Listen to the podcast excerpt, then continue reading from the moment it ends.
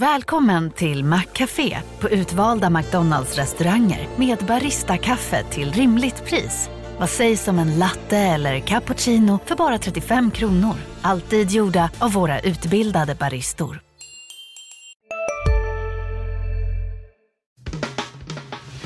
Analyspodden från Dagens Industri. Hej och välkommen till Analyspodden, Dagens Industris podd om börs och aktie. Det är faktiskt också första podden från 2023 och idag är det jag, Agneta Jönsson och kollegan Torbjörn Isaksson som pratar. Eh, vi sitter inte i samma rum idag här eftersom det är helg så vi kör lite på distans. Hej Torbjörn, hur är läget hos dig? Hej hej, det är bara bra här. Hur har du det?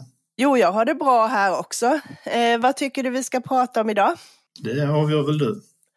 Ja, tycker du jag ska bestämma det så tycker jag vi pratar om vad som händer på börsen och om det har varit något annat viktigt. Och sen får vi väl ha några case också som vi brukar. Och denna gång är det torsdag och klockan är strax halv tio.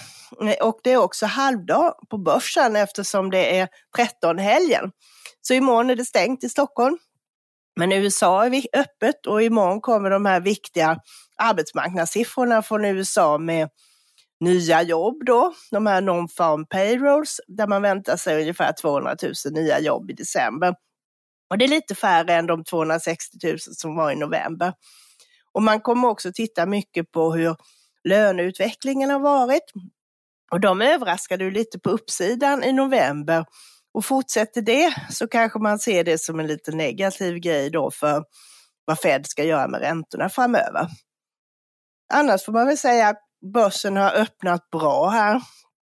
2023, det har varit plus alla tre börsdagar hittills i år. Så det är upp ungefär, OMXS30 är upp drygt 3 ungefär. Men det är fortfarande relativt låg omsättning i måndags eh, då det var stängt i USA och London. Så var det strax under 10 miljarder. Igår var det det dubbla. Och vi hade också Nibe som gjorde debut i OMXS30 i måndags som var ner 0,4. Och det är liksom inte så ovanligt med det där att man skriver om det mycket innan, man har stora förväntningar när det byts index.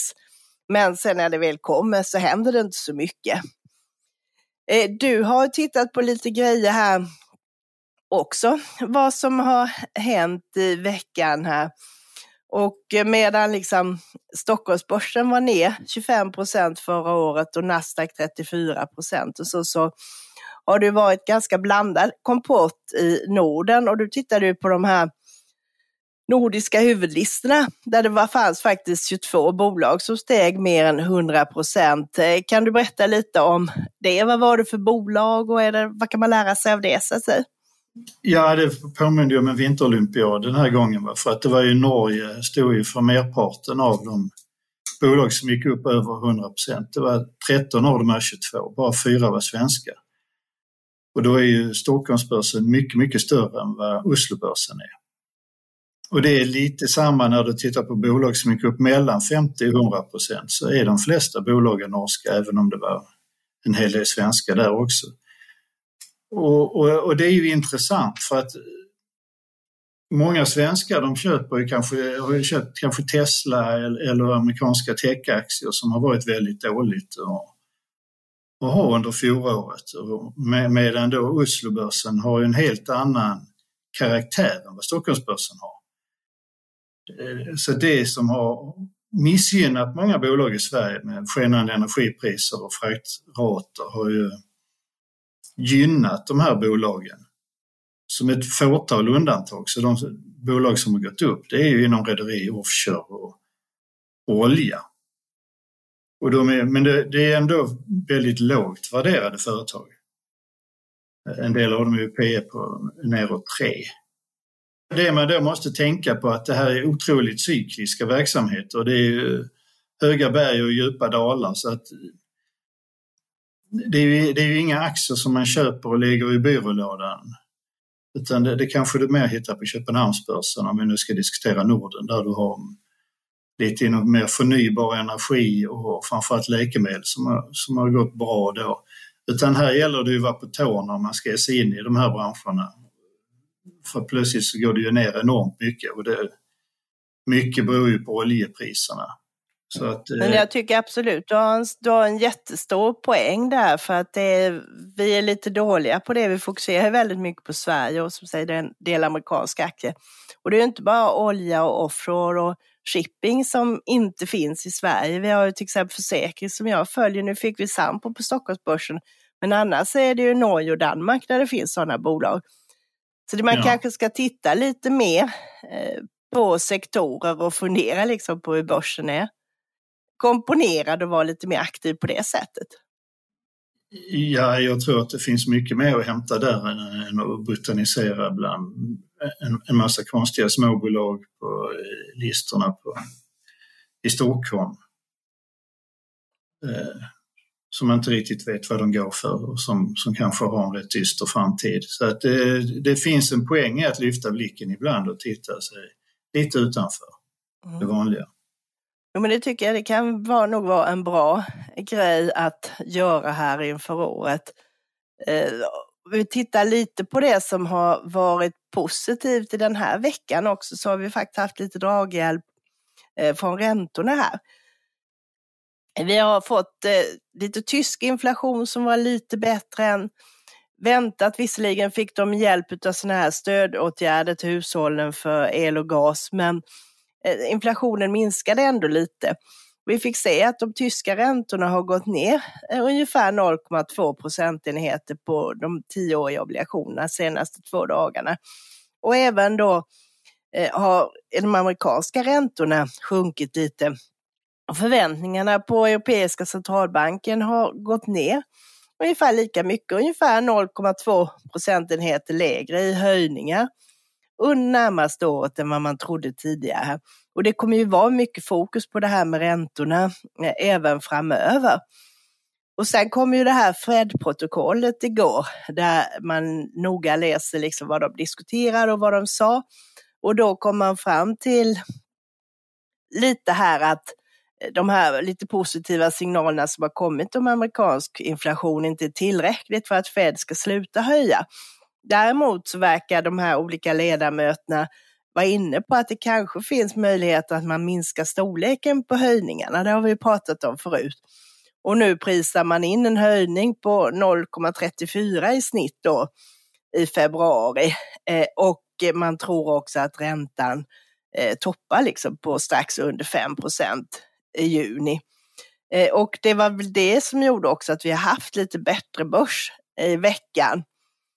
Eh, och det har ju bäring också på de bolagen som jag följer mest, det vill säga bankerna.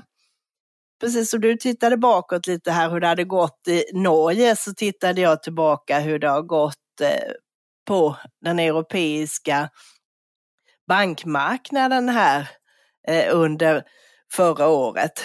Och det klarade sig ju betydligt bättre än många andra sektorer. Liksom. Så att mellan Medan det här europeiska breda indexet eh, Eurostock 600 gick ner 13 procent så gick då de här indexet där det ingår de 42 största bankerna bara ner 3 procent. Eh, och bäst utav de här bankerna var det den här spanska banken Caixa, uttalas det så? Caixa skulle jag tro.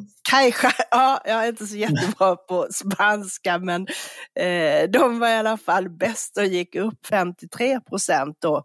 Och sämst var Avanza som tappade en tredjedel eh, utav börsvärdet. Och det vi ser eh, där också, tittar vi på Norden, så hade vi ju Danske Bank som var bäst med en uppgång på 22 procent och sen så hade vi även positiv kursutveckling på Handelsbanken och DEA. Och sen hade du minus på SEB, DNP och Swedbank. Men lägger man till utdelningarna så hamnar hela gänget på plus och det är ju betydligt bättre än eh, vad index gick som helhet. Eh, du kan ju också lägga till att värderingarna är ju väldigt låga på de här eh, bankerna. Man brukar titta på det här att man jämför banken med eh, bokfört eget kapital per aktie.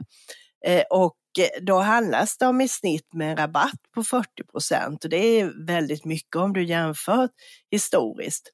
Och tittar du på de tio största så är det faktiskt bara Nordea då som handlas över eget kapital med en premie alltså. Och ja, du kan ju fråga mig varför det är på det sättet till exempel. Ja, varför är det det? Ja, det kan man fråga sig. Varför Men är det, det på det sättet? Ja, det som man eh, tror då, jag läste Financial Times hade tittat och gjort en lite mer djupdykning i det här och eh, det man kom fram till då var att bland annat så tror man att eh, man lider fortfarande av det här med sviterna efter finans och skuldkrisen här eh, från 2008, 2009 men sen även 2011, 2012 där det skapades mycket kreditförluster framförallt i de sydeuropeiska bankerna. Och det gör ju att de har fått lägga mycket pengar och tid och åk på att eh, rensa sina balansräkningar. Och man har inte riktigt haft eh, resurser för att investera i tillväxt, vilket gjort att de här varit dåliga länge. Och under den här tiden så har ju också alla banker fått anpassa sig till de nya regelverken. Både sådana som gäller hur mycket kapital de vill behöva ha, men även sånt som rör penningtvätt och andra saker. Och det har också kostat mycket, både i form av pengar och energi här. Och sen finns det ju då en oro för hur den här energikrisen och eh, kommande lågkonjunkturen kommer att påverka. Eh, och kanske då särskilt i Storbritannien som har haft eh, sina andra problem eh, också. Och det är ungefär en tredjedel av de här bankindexet är stora brittiska banker med HSBC i spetsen här. Och sen finns det också en oro för att eh, myndigheterna precis under, som under pandemin då, när ECB gick ut och rekommenderade att man inte skulle dela ut eh, några pengar och inte göra några återköp. Och det kom ju investerarna ihåg så att det ligger lite i det här och det ligger i de låga värderingarna. Men blir det inte så, utan det kanske till och med är att det inte blir så illa med lågkonjunkturen eh, som man tror här så har vi ju det här med att räntorna faktiskt är högre, vilket är positivt för det hela det här eh, gänget. Så att det kan faktiskt bli ett bra bankår i år också.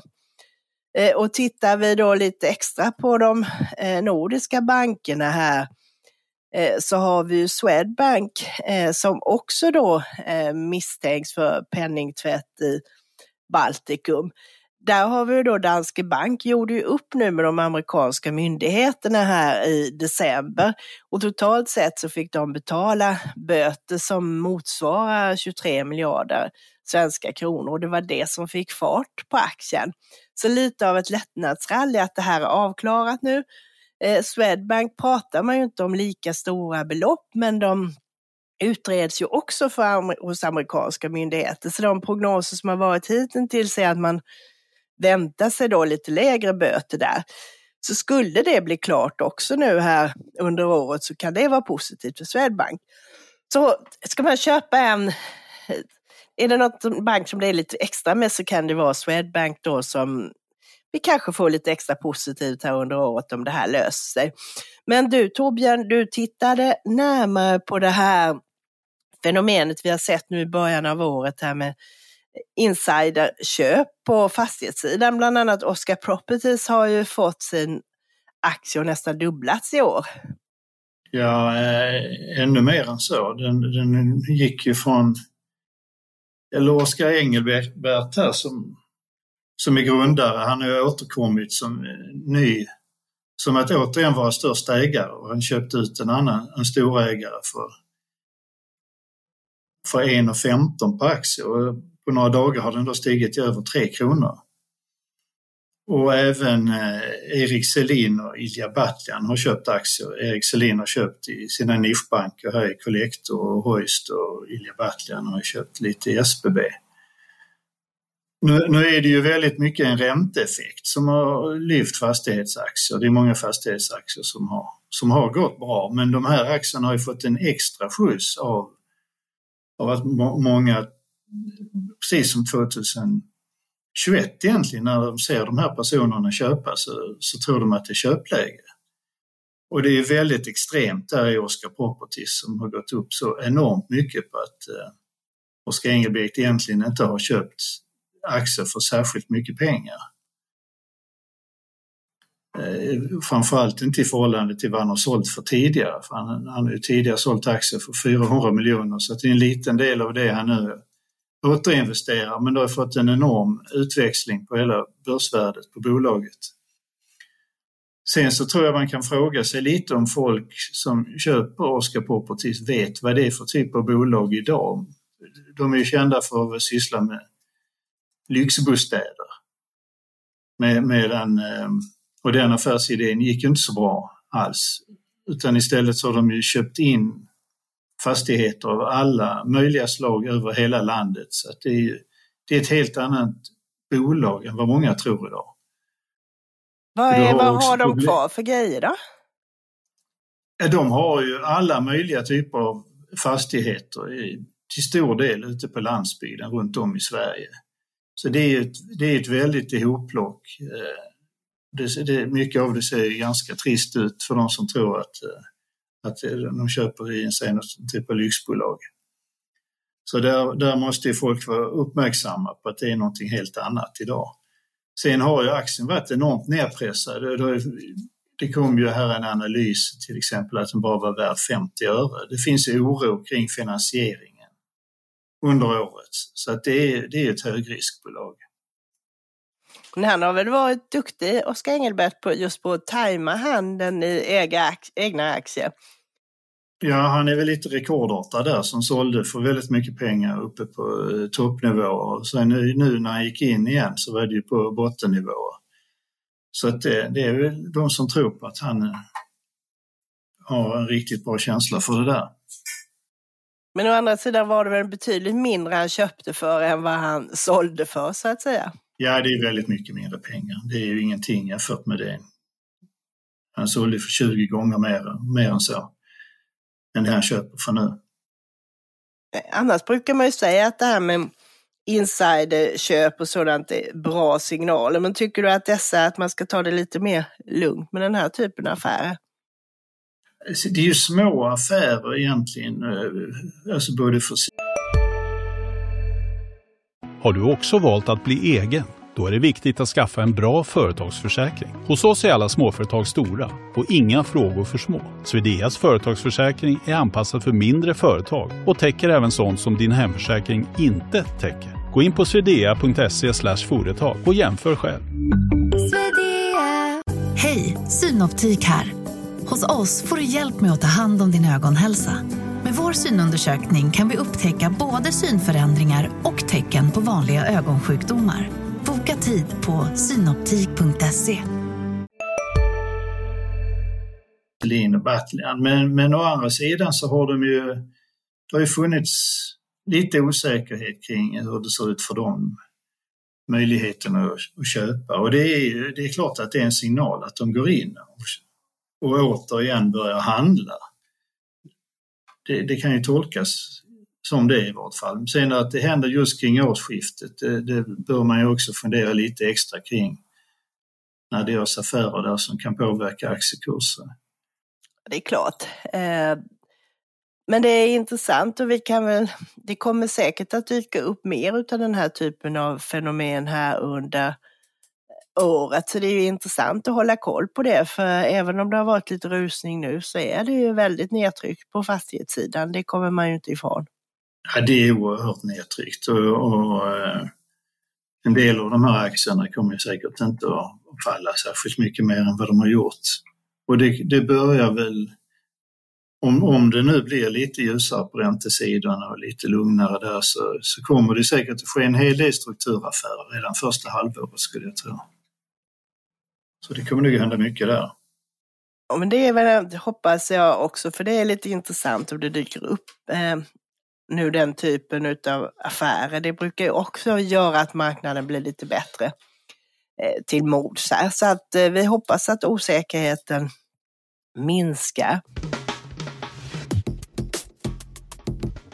Men några som inte var särskilt aktiva här, i alla fall inte under december, det var ju nätmäklarnas kunder. Avanza och Nordnet kom ju med statistik igår över hur det hade gjort under vad som hade hänt här under december månad. Och det vi ser nu är ju att Det är ju betydliga minskningar jämfört med om vi tittar tillbaka hur det var för ett år sedan.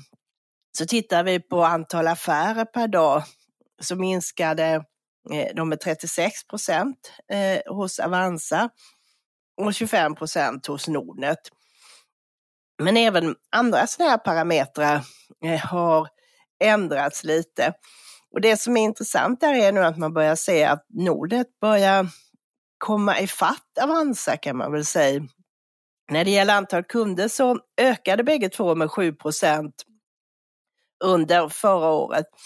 Eh, men jämför man med mot hur det såg ut i somras så har det här gapet minskat. Så nu har Avanza bara 69 000 fler kunder än Nordnet och i, vid halvårsskiftet så hade de eh, 96 000 mer. Och tittar vi på det totala sparkapitalet så har Avanzas minskat mer än vad Nordnet har gjort. Så nu har Avanzas kunder har totalt eh, 664 miljarder medan Nordnet har Eh, 715. Så nu har ju faktiskt eh, Nordnet eh, gått förbi och har till och med mer kapital. Så att det vi ser är att Avanza är mer lättrörliga än vad Nordnet är. Och det är framförallt bredden där, tror jag, de, på den nordiska marknaden som gör att de klarar sig lite bättre. Och det ser man också hur börskursutvecklingen var förra året. Vi har Avanza då som tappade en tredjedel av börsvärdet medan Nordnet bara tappade 13 procent. Och titt innan Nordnet köptes ut från börsen där för fem år sedan eh, så var värderingen av deras aktier betydligt lägre än Avanzas. Men nu som de har kommit tillbaka då, de kommer tillbaka på, i börsen här hösten 2019, så har det här avståndet i värderingsmässigt faktiskt krympt. Och tittar vi på P talen nu så ligger de faktiskt sida vid sida. Eh, på då 22 års förväntade vinst så ligger Avanza på 22 och Nordnet på 23. Och tittar vi på vinsten som väntas i år då 2023 så är det då P17 på Avanza och P16 på Nordnet. Och det är lågt för båda om vi tittar till historiken och speglar också en osäkerhet i att man vet ju inte riktigt hur börsåret är här. Och det som är värt att nämna är också att man närmar sig eh, Nordnet börjar komma i fatt Avanza när det gäller avkastning på eget kapital. Och det har ju varit lite av Avanzas paradgred. 2021 så hade Avanza en avkastning på eget kapital på 44 procent och Nordnet 38. Eh, och nu så eh, ligger faktiskt eh, på 2022 här så väntar man sig att Avanza hamnar på 32 och Nordnet på 30 så att den skillnaden har också krympt där. Eh, så min idé lite om det här är väl egentligen att eh, om man får ett bra börsår i år så tror jag att Avanza kommer att kunna kila förbi och gå bättre än Nordnet. Eh, och Nordnet är den som funkar bäst om vi har en mer sidledes marknad. Men tror man på ett dåligt börsår 2023 ska man inte ha någon av dem. Eh, vad tror du om det här om börsen 2023 Torbjörn? Ja, jag tror det kan bli lite stökigt här under det första halvåret. Det är så mycket makro och det, det, du vet inte det, vad som händer i, i Ukraina heller, vilket ju har stor betydelse.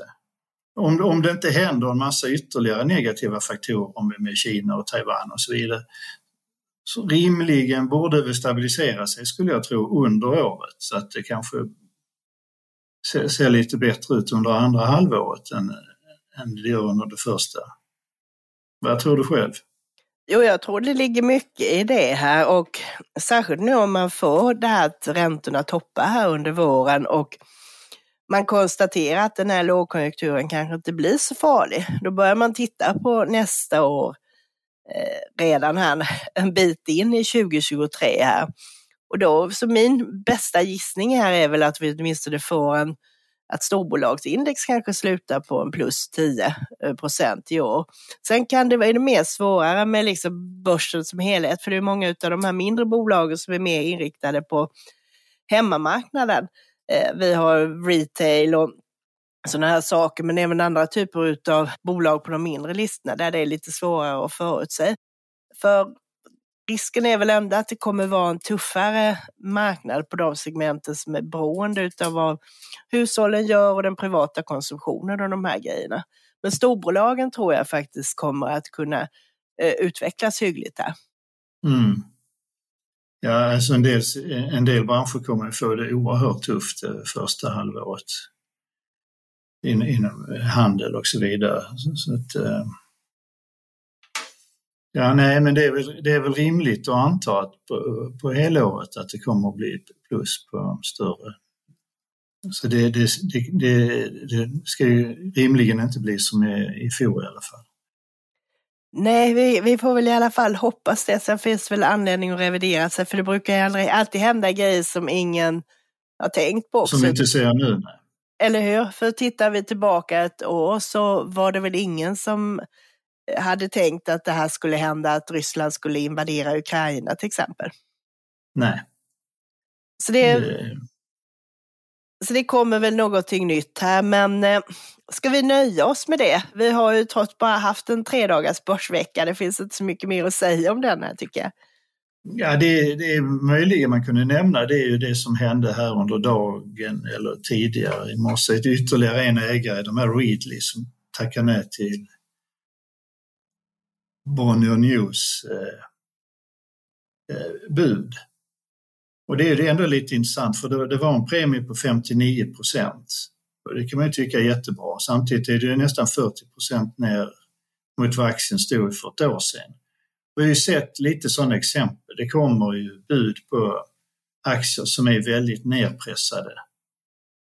Eh, och det är inte alltid det blir så väl bemött, men, men eh, kanske får de då gå ett varv till och höja budet. Det har vi sett några gånger tidigare här. Men det är också någonting som jag tror vi kommer säkert att få se en hel del uppköpsbud här under första, första halvåret på pressade aktier. Och sen är frågan var, exakt var budgivaren måste lägga sin premie för att eh, ro det hela i land. Ja, men för man tycker ju spontant är 59 procent en väldigt hög premie. Eh, samtidigt så ska ju ett bud spegla också lite av den långsiktiga potentialen i bolaget, men Reed har ju ingen historik där man kan bevisa att man faktiskt kan prestera bra, så jag har lite svårt för att förstå varför man tackar nej faktiskt. Det finns det också historiska exempel på att de som har tackat nej till bud senare blir sittande med de aktierna eh, i, i flera år utan att ha nått till budnivån. Så att eh, det finns en risk i det också, att tacka nej till bud. Det är svårare i den här typen av bolag som är som Readly som är ganska unga och som har en, får man väl säga, ändå lite oprövad affärsidé och där aktien var extremt högt värderad när den kom till börsen. Det är lättare till exempel så Swedish Match som var ju det bolaget som försvann från börsen senast nu här vid årsskiftet. Där har du liksom en historik och du kan räkna på det på ett annat sätt och det är lättare för en köpare också att lägga ett vettigt bud. Det är ju väldigt stor skillnad mellan de två företagen i stabilitet, visst är det så. Så men ska man dra någon slutsats av det här så får man väl räkna med att det behövs lite större budpremie för att nå eh, acceptans här eh, nu framöver. Så är det ju. Det, det, det, är väl just det, det är väl psykologiskt för en del också att, att det ligger så pass mycket lägre än vad de själva har betalat eller vad den stod i tidigare. Då, då kan det vara motigare att sälja. Det är klart och sen beror det på för köparens del vad det är för typ av köpare, om det är en industriell köpare som kan ha se synergier med sin egen befintliga verksamhet eller om det är typ riskkapitalbolag som bara köper ut dem för de tror att de kan fixa till det bättre och få en bra avkastning själva så att säga. Ja, ja det är stor skillnad där. Men om vi då blickar framåt, hur ser det ut nästa vecka? Ja, eh, nästa vecka är det också ganska tunn agenda faktiskt. Måndag verkar det inte hända något viktigt alls. På tisdagen så fortsätter det med trafiksiffror här från SAS eh, för december. Eh, där har ju de andra bolagen släppt sina siffror lite. Har du någon koll på hur det ser ut där? Ja, jag såg ju här att eh, Norwegian och Finnair kom här på morgonen och båda ökade antalet passagerare med runt 40 procent i december jämfört med decemberåret innan. Och det, det är ju inte så konstigt med tanke på, på pandemin. Det har ju skett en väldig återhämtning för många flygbolag. Eh, inte minst ja, Norwegian och sen på morgonen så kom ju eh, Ryanair och höjde sin vinstprognos. Eh, så att de, de har ju klarat sig mycket bättre genom den här krisen än många andra. Sen SAS har ju en helt annan problematik som kommer att rulla på framförallt under hela det första halvåret med en massa olika steg de måste ta sig igenom. Så där, där kommer det ju säkert att hända en hel del. Men SAS ligger ju långt efter ett bolag som Ryanair eller Norwegian i återhämtningen. Så man ska vara lite försiktig med dem, för det brukar också vara en sån här späckaktie så att säga hos privatpersoner. Ja, den aktien är ju väldigt övervärderad. Så håll borta från den med andra ord. Eh, på onsdagen däremot kommer veckans enda eh, rapport av lite större dignitet i alla fall. Det är ju Dustin som är återförsäljare utav eh, hårdvaror på IT-sidan. Eh, de gick ju väldigt bra faktiskt under pandemin här, men nu förra året så backade kursen nästan 60 procent. Man hade problem med det här med, som ni vet, med komponentbrist och sånt, vilket gjorde att man inte riktigt fick in eh, de produkter man ville ha. Man kunde inte köra de kampanjer man ville och sånt där. Så att det har varit lite bakslag. Eh, nu kommer de då, de har ett sådär brutet räkenskapsår som tar slut då i augusti, så att här eh, senaste kvartalet för dem här är ju några höstmånader. Och tittar vi på hur det ser ut så såg jag nu precis på dagen här så kom Nordea och sänkte sin rekommendation från köp till behåll. Men aktien är väldigt låg värderat. De handlas på eh, åtta gånger vinsten eh, för eh, innevarande år, vilket också speglar den här osäkerheten. Det är ju en värdering som är egentligen hälften så hög som den har varit tidigare. Samtidigt så räknar då analytikerna med en oförändrad vinst för då räkenskapsåret som tog slut i augusti 2022 så hade man en vinst på aktie på 5,60. I år då så väntar man sig att de ska tjäna 5,10 och sen tror man att nästa år blir bra och att då ökar vinsten till 6,10 ungefär. Men, och jag tror man ska vara lite försiktig med det här med bolag som inte ökar vinsten. Så att, eh, jag tycker det kan vara bra att hålla koll på Dustin, men det kan vara lite tidigt att kasta sig in i den här.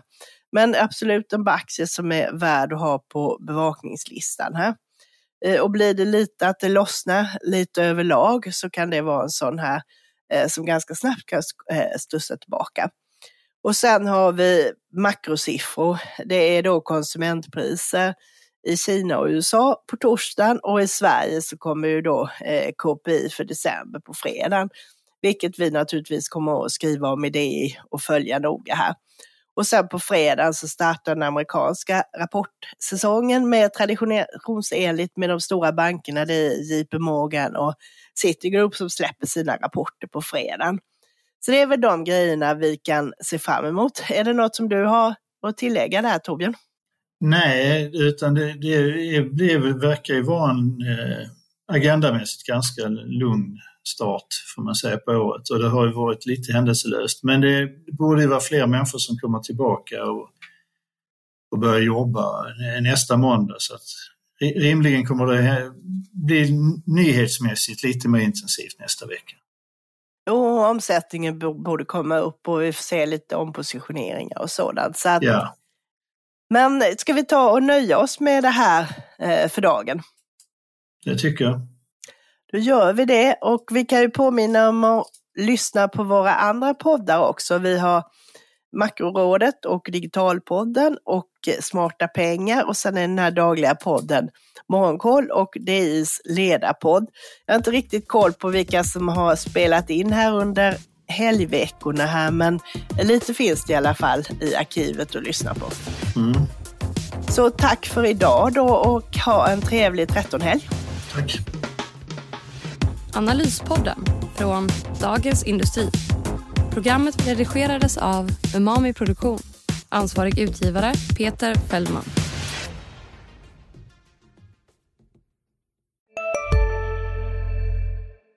Hej, Susanne Axel här. När du gör som jag och listar dig på en av Krys vårdcentraler får du en fast läkarkontakt som kan din sjukdomshistoria. Du får träffa erfarna specialister, tillgång till lättakuten och så kan du chatta med vårdpersonalen. Så gör ditt viktigaste val idag, lista dig hos Kry. Ska några små tassar flytta in hos dig? Hos Trygg Hansa får din valp eller kattunge 25% rabatt på försäkringen första året. Läs mer och teckna djurförsäkringen på trygghansa.se. Trygg Hansa, trygghet för livet.